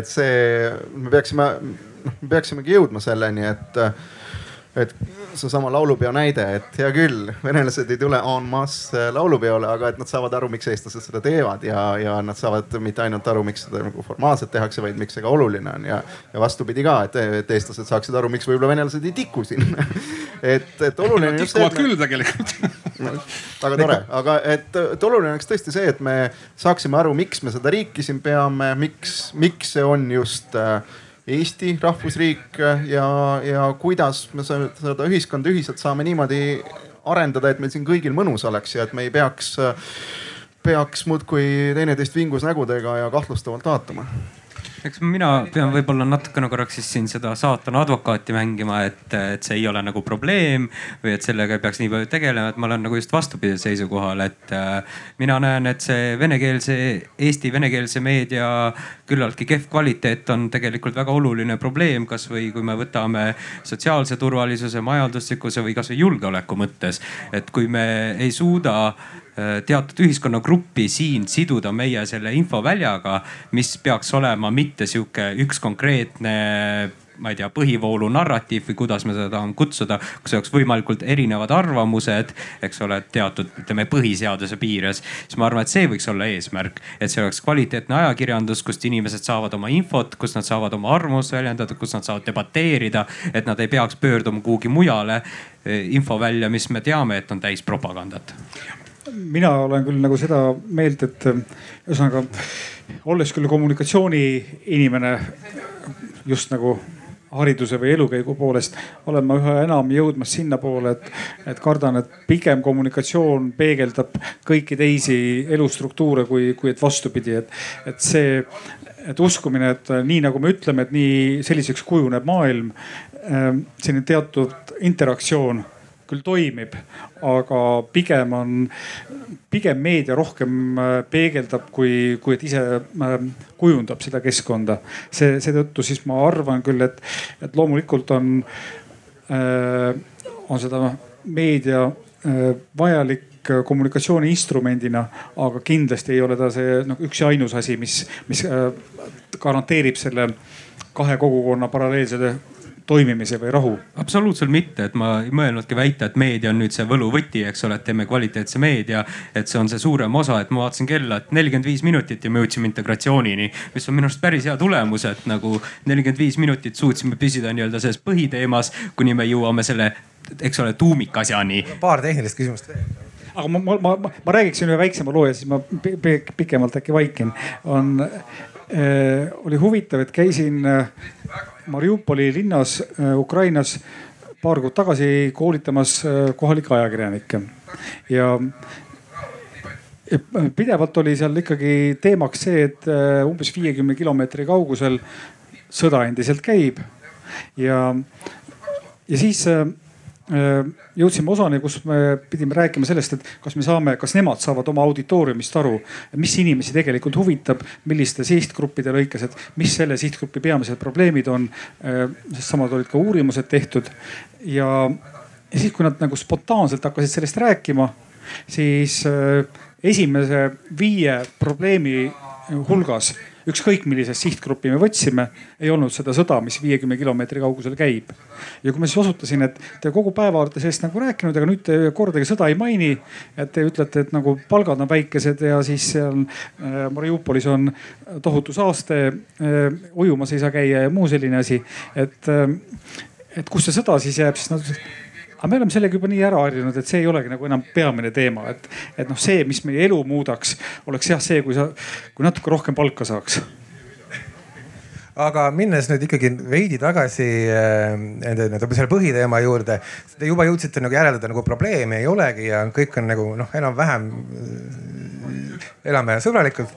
Ähm, siis ähm, aga viis aastat tagasi oli probleem ja kõik olid väga paanikas ja rääkisid venekeelsest meediast palju rohkem kui see üks paneel täna siin Arvamusfestivalil. ja, ja, ja jällegi, et kui me siin nädal aega tagasi kergelt seda teemat arutasime, siis, siis ma, sina Jüri tõid näite, et, et ka selline kriisi ajal ähm, olid äh, selle, me juba oleme maininud, et allikad on mõnevõrra erinevad, eks ole, aga siis tuli see allikate erinevus väga jõuliselt välja ja see tuli jätkuvalt välja ka seal nagu sa Ilmar just mainisid seda El Paso tulistamist, eks ole. et, et kas meil kuskil on ikkagi nii-öelda mingisugune tehniline probleem, et, et, et ikkagi need, need mingi on põhjused, miks need meediaruumid on üsna erinevad ja kas nende allikate kasutust saaks ühtlustada, juhatada, üksteist õpetada, suunata? no teate paar-kolm aastat tagasi, kui ma tegelesin rohkem kohaliku, kohaliku raadioga, siis äh, valitsuse kommunikatsioonibüroo teeb äh, Ida-Viru ajakirjanikele pidevalt neid koolitusreise Tallinnasse. Koolitusreis tähendab seda, et äh, ajakirjanikke veetakse ministeeriumidesse, valitsusse, veel kusagile ja siis selgus, et kusagil mujal maakonnas seda ei ole seda tehakse selleks, et inimesed näeksid kasvõi mõnda, mõnda ministrit, mõnda nõunikku ja pärast julgeksid, julgeksid talle helistada ja kasutada teda kasvõi allikana. sest tavaliselt ütleme, mis puudutab kohalikku meediat, siis äh, tavaline Narva venekeelne ajakirjanik, ega ta naljalt kusagile ei helista. tema teeb oma lood ise siit. Vot see isegi allikate kasutamise julgus, see on, see on tihti probleem. et see on nagu selline kohalik näide. et kriisiolukordades, noh ja no siis võetakse need, kes parasjagu lemmikallikad on ja kasutatakse neid, et tavaliselt juba ütleme erinevad siis need meediapooled nagu võib, võib nimetada, kasutavad o, siis oma, omi allikaid, ega nemad vastaspoole allikaid eriti ei kasuta. see on tavaline, see on sõjas ka niimoodi. et kuidas seda ületada, ma ei tea praegu no mul tuleb sellega meelde selline tore lugu ajaloost, et äh, esimese maailmasõja ajal tegi Saksa keisririik suuri ponnistusi, et Rootsi enda poole sõtta meenu-, äh, meelitada. ja Saksa saatkond Rootsis äh, tahtis siis Saksa välisministeeriumile Berliinis tõestada, et Rootsis on valmisolek olemas ja selleks tsiteeriti usinalt kõikvõimalikke Rootsi ajalehti. samal ajal Saksa riigi teised ametiasutused, kes nii avalikult ei tegutsenud maksid omakorda Rootsi ajakirjanikele, et nad kirjutaksid saksameelseid lugusid, mida siis Saksa saatkond omakorda tsiteeris ja saatis Berliini. ehk siis, et äh, noh, et äh, allikad on ka sellised keerulised asjad kas siin on mingisugune võimalus äh, noh, nii-öelda nii-öelda senist tööd senisest paremini teha? no ühelt Peeter. poolt ma tooks, tuleks jälle tagasi selle juurde, mis ma alguses ütlesin, et me ei peaks üritama teha seda venekeelset meediaruumi äh, venekeelseks Eesti meediaruumi koopiaks. ehk siis meil peaksid olema võimalikud, et nii eesti kui ka venekeelses meediaruumis on erinevad arvamused, et seal on pluralism, eks ole. küsimus on selles, kas meil oleks võimalik kasutada samu allikaid, eks ole, aga et mitte toota identset sisu tead, aga samas on ju äh, vene lugejatelt äh, on üsna palju, ma olen kuulnud sellist äh, nõudlust koopiat, koopiate järele, et miks et kui inimene äh, sa, mõistab enam-vähem, millest kirjutab Eesti ajakirjandus, vaat-, loeb, mida kirjutab Vene ajakirjandus. aga miks te meile annate erinevaid uudiseid? tehke meile koopia ja päris tihti öeldakse niimoodi ja ma üritan seletada, et no ei, päris nii ei saa olla. siis ei Aga ole enam see, me, see siit me võib-olla jõuamegi selle kogu selle arutelu nii-öelda paradoksini, et ühest küljest me näeme seda, et, et see venekeelne, Eesti venekeelne ajakirjandus võib-olla majanduslikel põhjustel ongi niisugune nagu koopiaajakirjandus ja see on probleem. teisest küljest ähm, jällegi, et justkui nagu tahetakse seda koopiat äh,. see on usalduse puudumisest, et aga kuulge, miks te meile annate teistmoodi uudiseid? ja, aga samal ajal see venekeelne ajakirjandus jällegi nagu see statistika, mis me esialgu tõime, oli usaldusväärsem miskil põhjusel.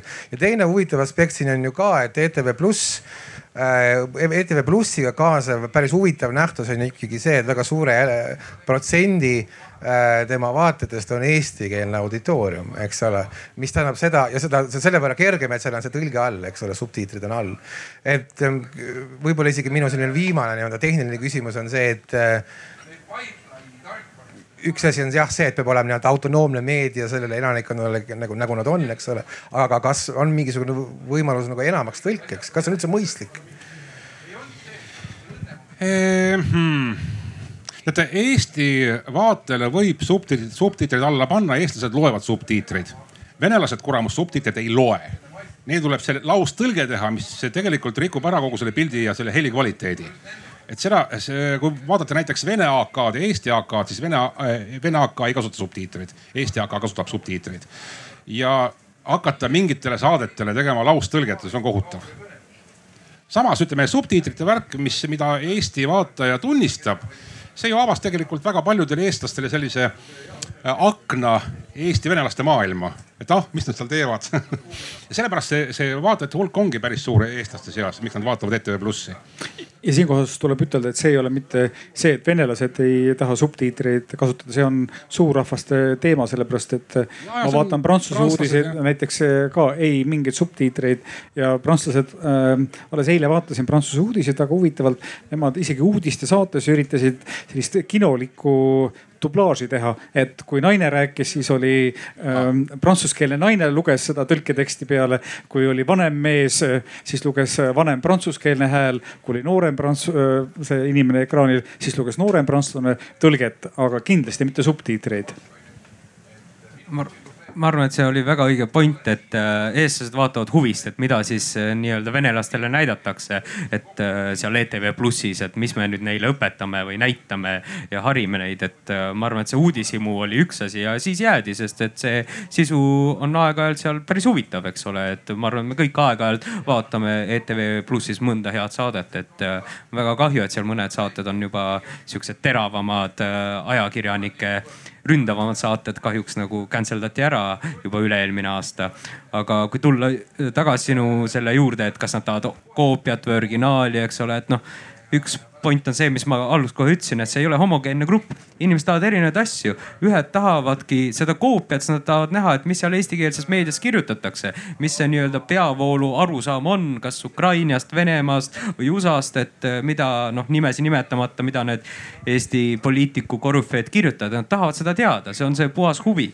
aga teisalt ma usun ka, et eh, kui sa ei saa originaali, siis sa tahadki koopiat. jah, sest see Eesti Meedia pluss on ju see arvamuste paljusus võrreldes kohaliku vene, vene meediaga, et seal neid arvamusi on ju väga palju. ja need tavaliselt, ma vaatan portaalides, mis tõlkesse lähevad, on vene keelde, on äärmuslikud arvamused. ja sellest tekib vene lugejal selline mulje, et need eestlased on veidi hullud. et nagu seda sellist paljusust ei olegi, ainult äärmused, ainult äärmused. aga eks ju ka. see on väga hea point jah. aga eks see ole ju vastupidi ka.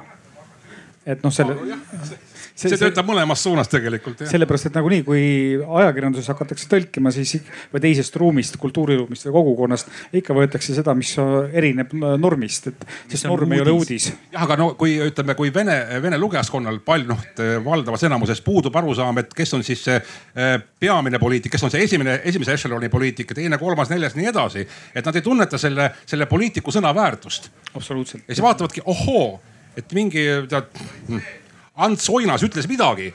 Ah vot, mis need Eesti poliitikud meist arvavad, kes oli see Ants Oinas, keegi ei teagi teda, aga see, see läks. see oli just seal äh, Raadio neljas on üks sihuke saade, kus üks inimene tuleb külla ja pool tundi vesteldakse, külastajad saavad helistada ja seal oli siis Kristina Kallas, kes rääkis integratsioonist ja ma arvan, et üks pooled kõned olid selle kohta, et teate, see Kaja Kallas teil seal stuudios. Ma, ma arvan, et ilmselt äh, on see täiesti loomulik, et kui ka mõned äh, siinsed venelased tahavad seda koopiat ja ma saan täitsa aru, miks nad tahavad, nad tahavad, nad tahavad teada, millest need eestlased siis räägivad. siis samal ajal on ka selge, et Eesti venekeelne ajakirjandus on ja jääb noh, oma stiililt juba erinevaks eestikeelsest. lihtsalt sel põhjusel, et siinsamas kõrval on ju kogu aeg võimalik näha, kuidas Venemaal tehakse, sealt saadakse eeskujusid, mingeid maitse-eelistusi. noh, see jääbki nii, ta jääb teatava sellise mõjutegurina ja ja nii see on. ja selles tõlkeshoovis on tegelikult rohkem sellist vandenõuteooriat, et, et nad oma, omakeskis räägivad ühest asjast ja meile kurat räägivad teisest asjast. ei, aga see on ju ka täpselt selles suhtes vastupidi, kui räägitakse, et võetakse Delfi ja siis pikka aega oli äh, küsimus selles, et miks, miks mingisugused Eesti uudised, venekeelne Delfi kajastab teistmoodi kui, kui eestikeelses Delfis, et kas siin on mingi meedia vandenõu, et seda tahetaksegi teistmoodi teha, et ühesõnaga ilmselt see to toimub äh, mõlema kogukonna poolt selline äh, kahtlus. see on ka toimetaja valik, kui vaadata näiteks Eesti AK-d, Vene AK-d, siis noh tihti kattuvad need esiuudised, aga tavaliselt ei, ei, ei pruugi kattuda. mis no, auditooriumile mm, tunnetusest oleneb ju. nojah, sest siin ei olegi mingit vandenõud, kuna noh, on Delfil olemas eestikeelne toimetus ja venekeelne toimetus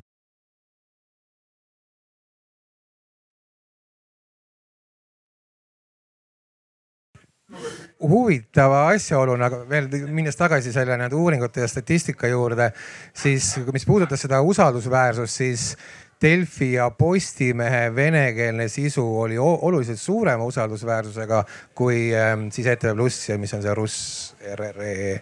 et siin on ka mingisugune omamoodi paradoks. soovib keegi seda seletada? Ma, ma soovin oletada, et võib-olla on asi meediumide erinevuses, äkki televisiooni puhul kehtib mingi teine loogika just sellepärast, et siin kõrval on väga võimsalt tehtud äh, Venemaa telejaamad, millega võrreldakse. jah, ja ETV Pluss tegelikult ju sündis ka sellise um, umbusu taustal, et nüüd tehakse meile sellist propagandakanalit, mis peaks nagu võistlema Venemaa, Venemaa telekanalitega. tegelikult ETV Pluss ei ole see, mis võistleb seal, kellel on vingem propaganda. et see, see kõrvalmaik on ikka siiani Vene auditooriumil olemas nii ja nüüd me oleme päris tükk aega vestelnud, meil on jäänud äh, kakskümmend minutit aega ja minu käes on selline oranž kuup äh, publikule küsimuste ettepaneku, küsimusteks, kommentaarideks kes soovib? siin vasakul on. seal on vist peal mikrofon. et kasutades ära seda, et siin on inimesi, kes olid nii-öelda selle ETV Plussi lansseerimise juures. et ma mäletan, sel ajal oli väga palju juttu sellisest teoreetilisest kontseptsioonist nagu ristmeedia ja pidi siis ETV Pluss levima nii visuaalselt kui ka läbi sotsiaalmeedia ja kõik, kõik nii edasi, et, et kuidas see käima on läinud või on jäänud raha taha või, või, või, või, või auditooriumi taha, et.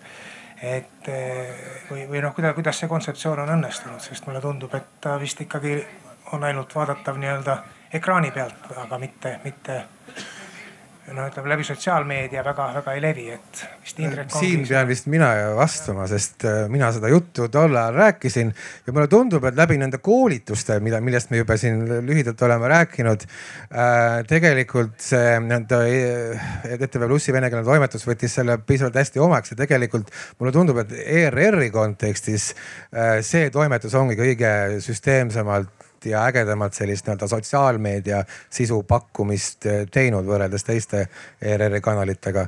aga noh, üldisema meedia arengu kommentaarina ma arvan, et televisiooni on nüüd ja praegu jõudmas see kriis, mis trükkajakirjanduses on tükk aega olnud et noh, online meediumid, äh, voogedastus ja nii edasi ja nii edasi.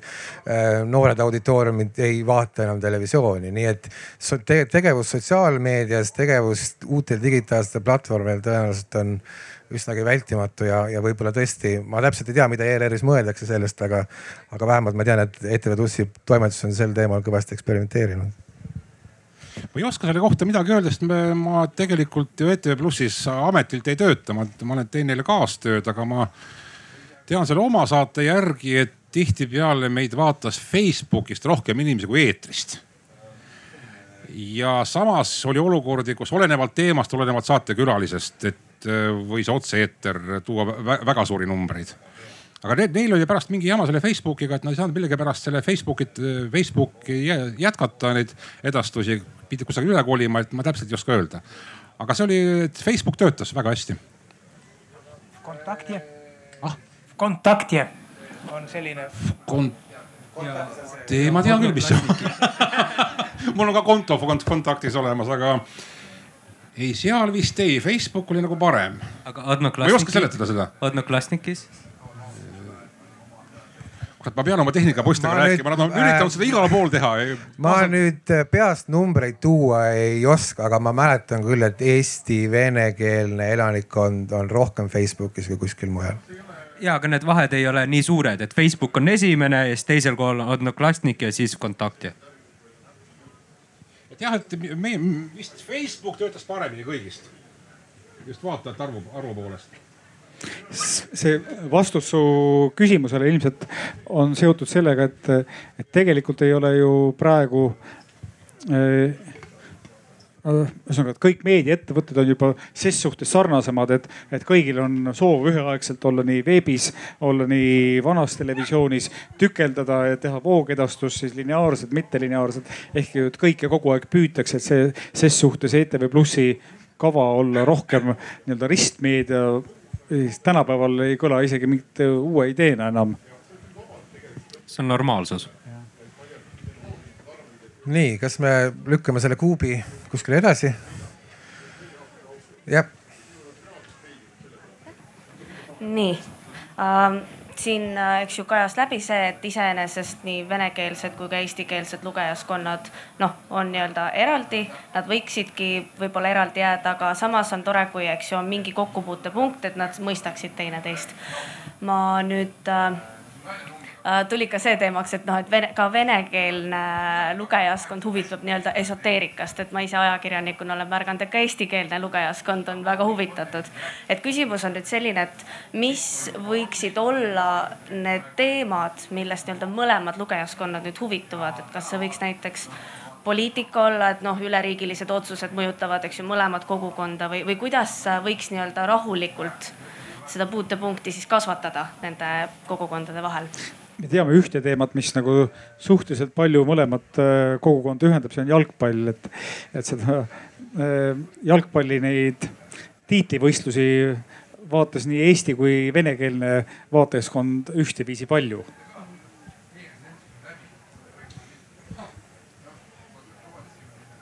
konfliktsed teemad, konflikt ma ütlen nüüd ausalt, et kui on veel kogukondade vaheline konflikt, oi see läheb hästi peale eestlastele, venelastele, seda vaadatakse huviga, jälgitakse. aga siis taaskord on muidugi vastandumine, eks ju. jah, see on vastandumine. mida me väga ei tahaks, eks.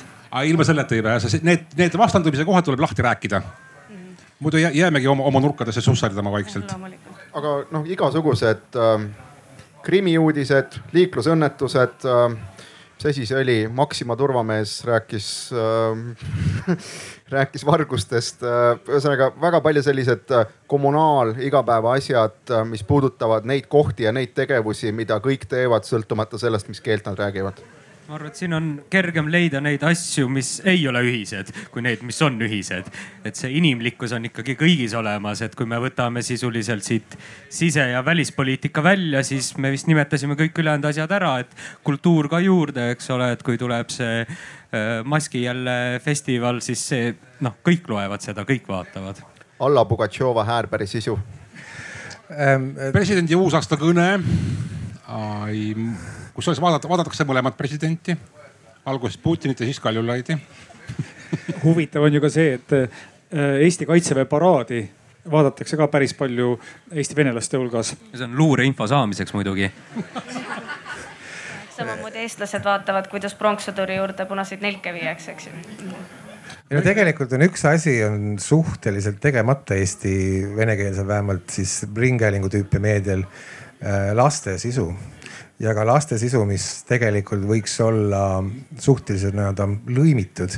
et kui me seda kümme olümpiast, vähemalt kui me seda ETV Plussi sisse seadsime, siis oli tegelikult palju juttu, et miks peavad need nagu kümme olümpiastarti tüüpi saated, eks ole, mingisugused konkursid, laulukarussellid olema suhteliselt eraldi, et tegelikult neid asju saaks äh, kokku seada. laulukarusselli puhul vist ikka on, aga noh, küsimus on see, et kuivõrd nad nii-öelda ristmeedialiselt jaotuvad nii-öelda ka nii eestikeelsete kui venekeelsete äh, kanalite vahel sest no kõik on huvitatud sellest, kuidas lastel läheb, eks ole. oot, et see saade, mida vaadatakse siis nii eest, eestlased kui venelased, kui eesti lapsed, vene lapsed? jah. kurat, see läheb raskeks. see jääb raskeks, on küll noh, Maša ja karu on selline rahvusvaheline fenomen, kus, mis ületas korra piire, aga seal äh, Maša väga palju ka ei räägi oma emakeeles see on nagu kuulus lugu sellest Eesti lastesaatest, mida venelased kunagi vaatama hakkasid, oli see, kus ilmusid ekraanile Mu di la, mis vene keeles tähendab üks väga e-, eba, ebatsensuurset väljendit. See oli nii aga, aga teistpidi jälle äh, Lotte kui, kui selline toode on, on ka siiski selle kogukonna piire rohkem ületanud kui nii mõnigi teine toode kui ma kasutan seda sõna toode. aga üks venekeelne jänkujuss kõlbaks küll ära jah? Nii, see peaks olema seal kuidagi kultuuriliselt, energeetiliselt olema äh, mõistetav, tajutav ja kaasaelatav mõlema, mõlemale rahvusgrupile, see on, võib leida, aga ma arvan, see on raske. mul teema, mm, seesama, mis juhtus Sillamäel, juhtub igas Eesti koolis pea iga päev ja, ja selles mõttes kõik vanemad armastavad lapsi, tahavad, et neil hästi läheks. ja kõik see, mis puudutab laste turvalisust koolis, nende vaimset tervist, see, see ühendab mõlemaid kogukondi. ja siin ei loe küll rahvus, kui laps haiget saab. ja ma arvan, et see võiks olla teema, mida mõlemad kanalid mõlemas keeles käsitlevad. absoluutselt, ma olen sellega nõus, et oh, ma arvan, et ma selles oma elueas hakkasin ma Eesti-Vene kogukonnaga suhtlema peamiselt tänu sellele, et tegin filmi Klass ja seejärel siis järsku avastasin, et kõigepealt tulid vastukajad tulid eh, eestlastelt ja siis järsku sama, pea samas mahus tulid vastukajad ka, eh, ka venelastelt nii Eestist kui Venemaalt, et, et see oli teema küll jah no laias laastus noh, jällegi umbes sama jutt, mida me tegelikult rääkisime ka seda ETV Plussi lansseerides, et nii-öelda päris elu, see elu, mida inimesed elavad nüüd ja praegu, on need siis kommunaalprobleemid, on see laste koolielu või on see lastes kult, kult, hobid, spordivõistlused, kõik see nii-öelda päris elu, mida inimesed elavad. jällegi me läheme nii-öelda rajoonilehe tegemise nii-öelda problemaatika äh, juurde, aga, aga, aga laias laastus see on see, äh, millega nii-öelda, kui rääkida sellest nii-öelda majanduslikust poolest, Eesti ükspuha mis keelne meedia saab alati konkureerida kõikide teistega. nüüd, aga okei okay,, me jõuame nagu äh, need teemad tegelikult puudutavad väga palju sellist äh, tõsist või korralikku ajakirjandust äh,. aga kui me räägime meediast või mis seda maailma kuidagi kujundab, siis äh, noh, see meelelahutus, sellel on ikkagi väga oluline osa, noh kuni, kuni selleni, et ma mäletan juba kakskümmend aastat tagasi öö, olles te, töötades televisioonis, lugesin ma siis kõigepealt Inglismaalt uudist ja siis natuke hiljem sain aru, et see ei ole mitte ainult nende teema. tuli välja, et inimesed, eriti noored, käsitlevad televisiooni eelkõige meelelahutuse allikana, mitte uudiste allikana. uudiseid saadi kusagilt mujalt Äh, ja nüüd, kui me räägime siis nagu eestikeelsest meediast, siis me peaksime võib-olla siis järgmise sammuna rääkima sellest, et kas, äh, kas me räägime ajakirjanduses uudistest või, või ka siis meelelahutuspoole pealt. aga seal on taga on üks daam, kes soovib seda mikrofoni. ja, ja palun. ma ka no siis ma annan. meil vist on äh, ülekanne kuskil, nii et hea oleks, kui kuulajad. teeme, et kõigepealt mujal... siis džentelmen ja siis teie. üks väike küsimus ja uh, ma teen see rahvusvahelised konkursid uh, Tallinnas jah. ja siis vanainimesed tahavad infot saada aga ma kutsusin ajakirjanikud, no meediat ja nad ei tulevad, ainult Raadio neli aitab jah, siis ma tahan küsida, see pole kommertsprojekt, noored muusikat välismaalt äh, ja lauljad ja tantsijad tulevad ja näitavad äh, äh oma edukat, aga äh, kuidas äh, vanainimene, vanainimesed, inimesed äh, saavad tulla, ma ei saa aru, mis teha? Ja äh, äh, sissepääs on tasu, tasuta. kuidas saada info, ma ei, ei saa aru Postimees. aga ma kutsusin kõik äh, mass-meediat, äh, ainult Raadio neli vastas no väga-väga hea, et vastas, sest et äh, tahes-tahtmata on igasuguste kultuuriürituste pakkumine väga suur ja eks ajakirjanikud ja ajakirjandusväljaanded teevad valikuid, mida nad kajastavad ja mida mitte, nii et ega ei saa ju sundida, kui mõni ajakirjanik tundub, et tunneb, et see temaga ei haagi, noh, mis siis teha. tore, et Raadio neli tuli, mis ma oskan muud öelda.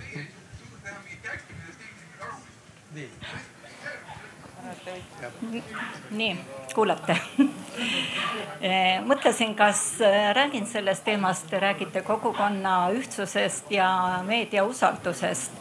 Eh, mind on vaevanud paari aasta või mõne aasta tagune lugu, mis juhtus Paides olen Paide elanik seitsmekümnendatest aastatest, see läks mul väga südamesse. ühesõnaga suured pealkirjad ajalehtedes, verine peksmine Paide linnas. suured Eesti poisid peksid väikest venelast mitte keegi, kuna ma olen töötanud, töötasin tollel ajal ka koolis, olen lasteaias töötanud siis mitte keegi ajakirjandusest ei tulnud küsima lugu koolist. ja loost jäi selline mulje, nagu oleks see toimunud koolis.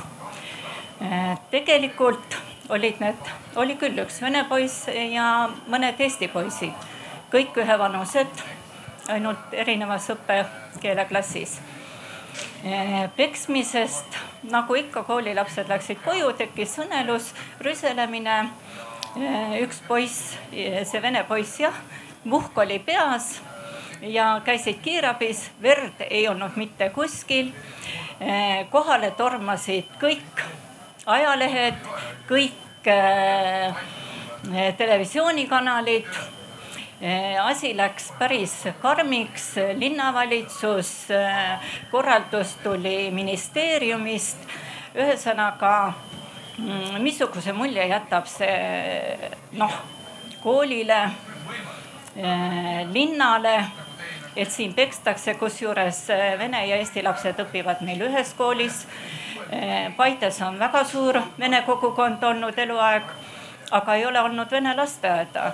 kõik vene lapsed käisid eesti lasteaias, ka minu oma rühmas. Mm, lapsed oskasid nii eesti keelt, vene keelt, oli suur vene kool aga kui nüüd lõpuks mm, üks ajakirjanik küsis koolidirektori käest, siis see vabandus, mis äh, ilmus ajalehes, oli pisikene nupukene, keda ilmselt mitte keegi pärast enam ei lugenud. Äh, siin ma tahangi seda usaldust küsida, et kuidas ma saan uskuda, et järgmine artikkel on ka õige.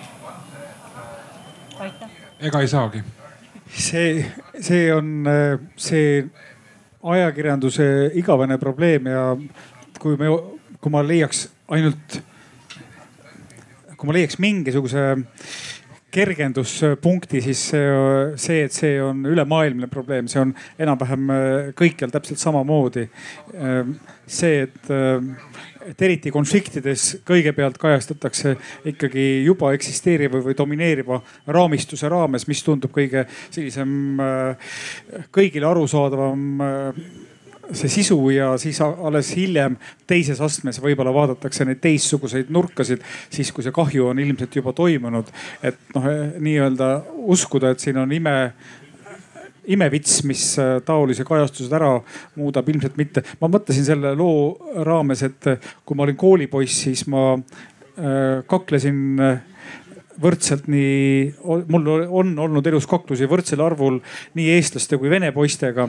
aga noh, mida see siis nagu antud juhul tähendab, et, et kuhu ma paneksin ühed kaklused, mis raamistusse ja kuhu jätaksin need teised.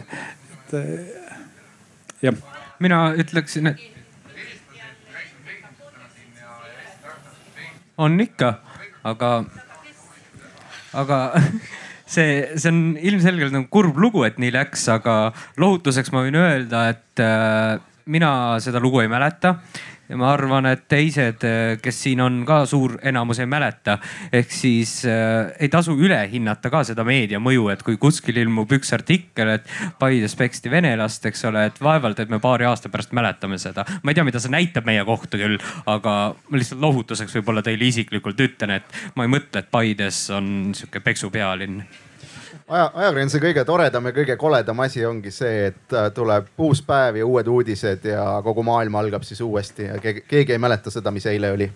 teate, ma olen kolleegidega tööl, me tihti arutame selliseid absurdseid pealkirju, et kuidas võib inimese eh, mingisugused isiklikud solvumised või üleelamised mõjutada näiteks eh, artiklite pealkirju, et siis võib, et igast asjast võib välja imeda mingisuguse rahvusvahelise vaenu. näiteks, et eh, vene koer hammustas Eesti tütar, tütarlast. et vabalt võib seda teha, et oleneb, oleneb ajakirjaniku ja südametunnistusest. alles ju äsja oligi, kui Vene karu oli kuidagi ohtlikus olukorras siin Eestis jah no,. nii, kas meil on veel äh, kuubihuvilisi, meil paar minutit on veel aega, jah. ma proovin visata seda seekord no tere siis, kui oli juttu sellest, kas on võimalik ristmeedia programmi või siis äh, teleprogrammi luua, mis võiks olla eestlastele ja venelastele ETV, ETV Plussi kanali jaoks huvitavad, siis ma ütleks, et see on juba tehtud ja selle programmi nimi on Live Estonia ja siiamaani on siin ja seal ta veel eetris. kuigi ta oli loodud kaks aastat tagasi ja see härrasmees minu kõr-, minu kõrval juhuslikult tegi ka uuringu ja tuli välja, et seda saadet märgati kuusteist protsenti venelast või vene keelt kõnelevatest auditooriumist ja kakskümmend protsenti eestlast. see tähendab, et asi on tehtav, esiteks teiseks, vaadata ETV Pluss neid reitingud, millest me oleme hästi palju kinni, ei saa kuidagimoodi lubada või ennetada et kuusteist protsenti siis seda auditooriumi vaatas ühte saadet, mis seal jooksis aga siit tuleb ka see uudis, mis ei ole üldse uudis, et eks siis nad vaatasid ETV-d, kus reitingud olid tõesti väga head. ja mul on teile küsimus, kas teil on midagi uut öelda nende viimaste aastate lõikes, mis ei ole varem öeldud? see on esimene küsimus, ma, ma loodan, te ei solvu. Ja teine küsimus, millist lisaväärtust võiks Vene meedia pakkuda siis, kui kõik vene, vene keelt emakeelena kõnelevad inimesed õpivad eesti keelt ära? Te võite öelda, et see ei ole võimalik. mina arvan, et see tuleb ja mina panustan mis on see lisaväärtus Vene meedial, kui vene, venelased räägivad eesti keelt ja saavad sellest aru? ma arvan, et selles suhtes on see küsimus äh, noh, peaaegu et tühja kohta või lahtisest uksest sisse minev, et venekeelne meedia jääb alles ilmselt isegi siis, kui kõik venelased oskavad eesti keelt. senikaua, kuni nad ennast venelasena identifitseerivad, senikaua ilmselt toimib ka mingisugune nende omavaheline suhtlus äh, selles nende emakeeles. ma võtan lihtsalt näitena Ameerika, kus, kus enamik äh, latiinodest oskavad äh, hispaania keelt ja inglise keelt, aga see hispaaniakeelne meedia sellest hoolimata on olemas, et see nagu nende kogu kogukonnana paratamatult toimib.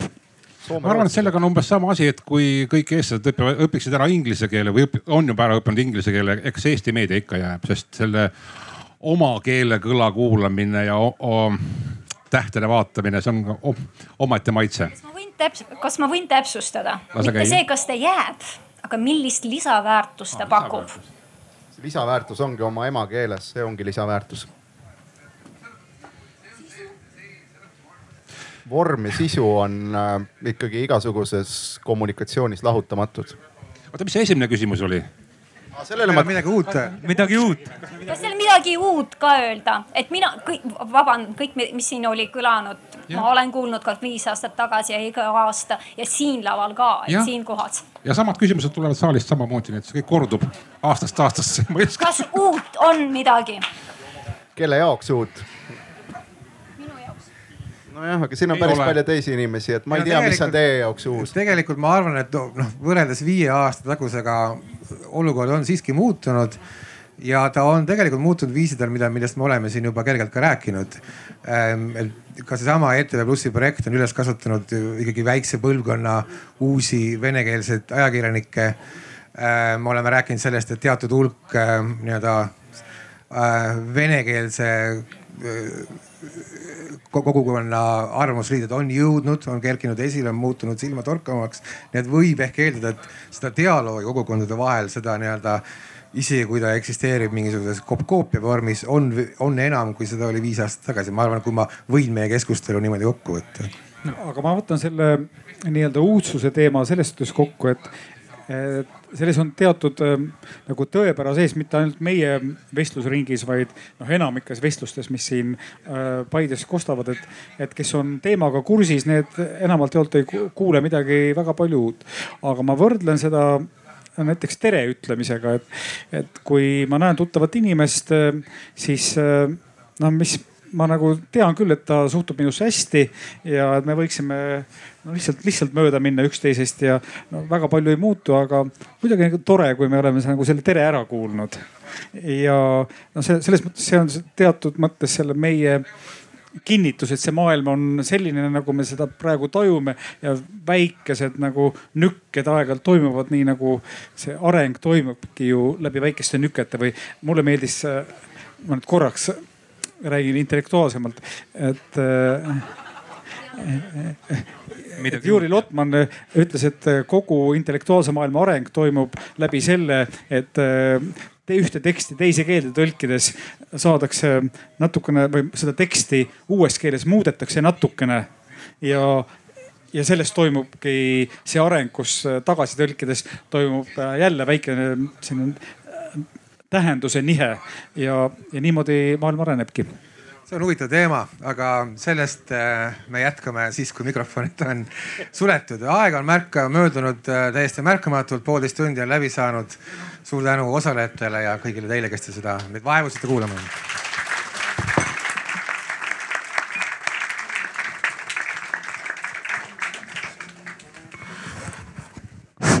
Nii ja Integratsiooni Sihtasutuse poolt siis äh, suur tänu moderaatorile, suur tänu osalejatele ja ma tahaks, et tõesti siit ühe asjana jääks kõlama see, et meil on palju rohkem seda, mis meid ühendab, olgu see heas või halvas kui see, mis meid eristab. aitäh teile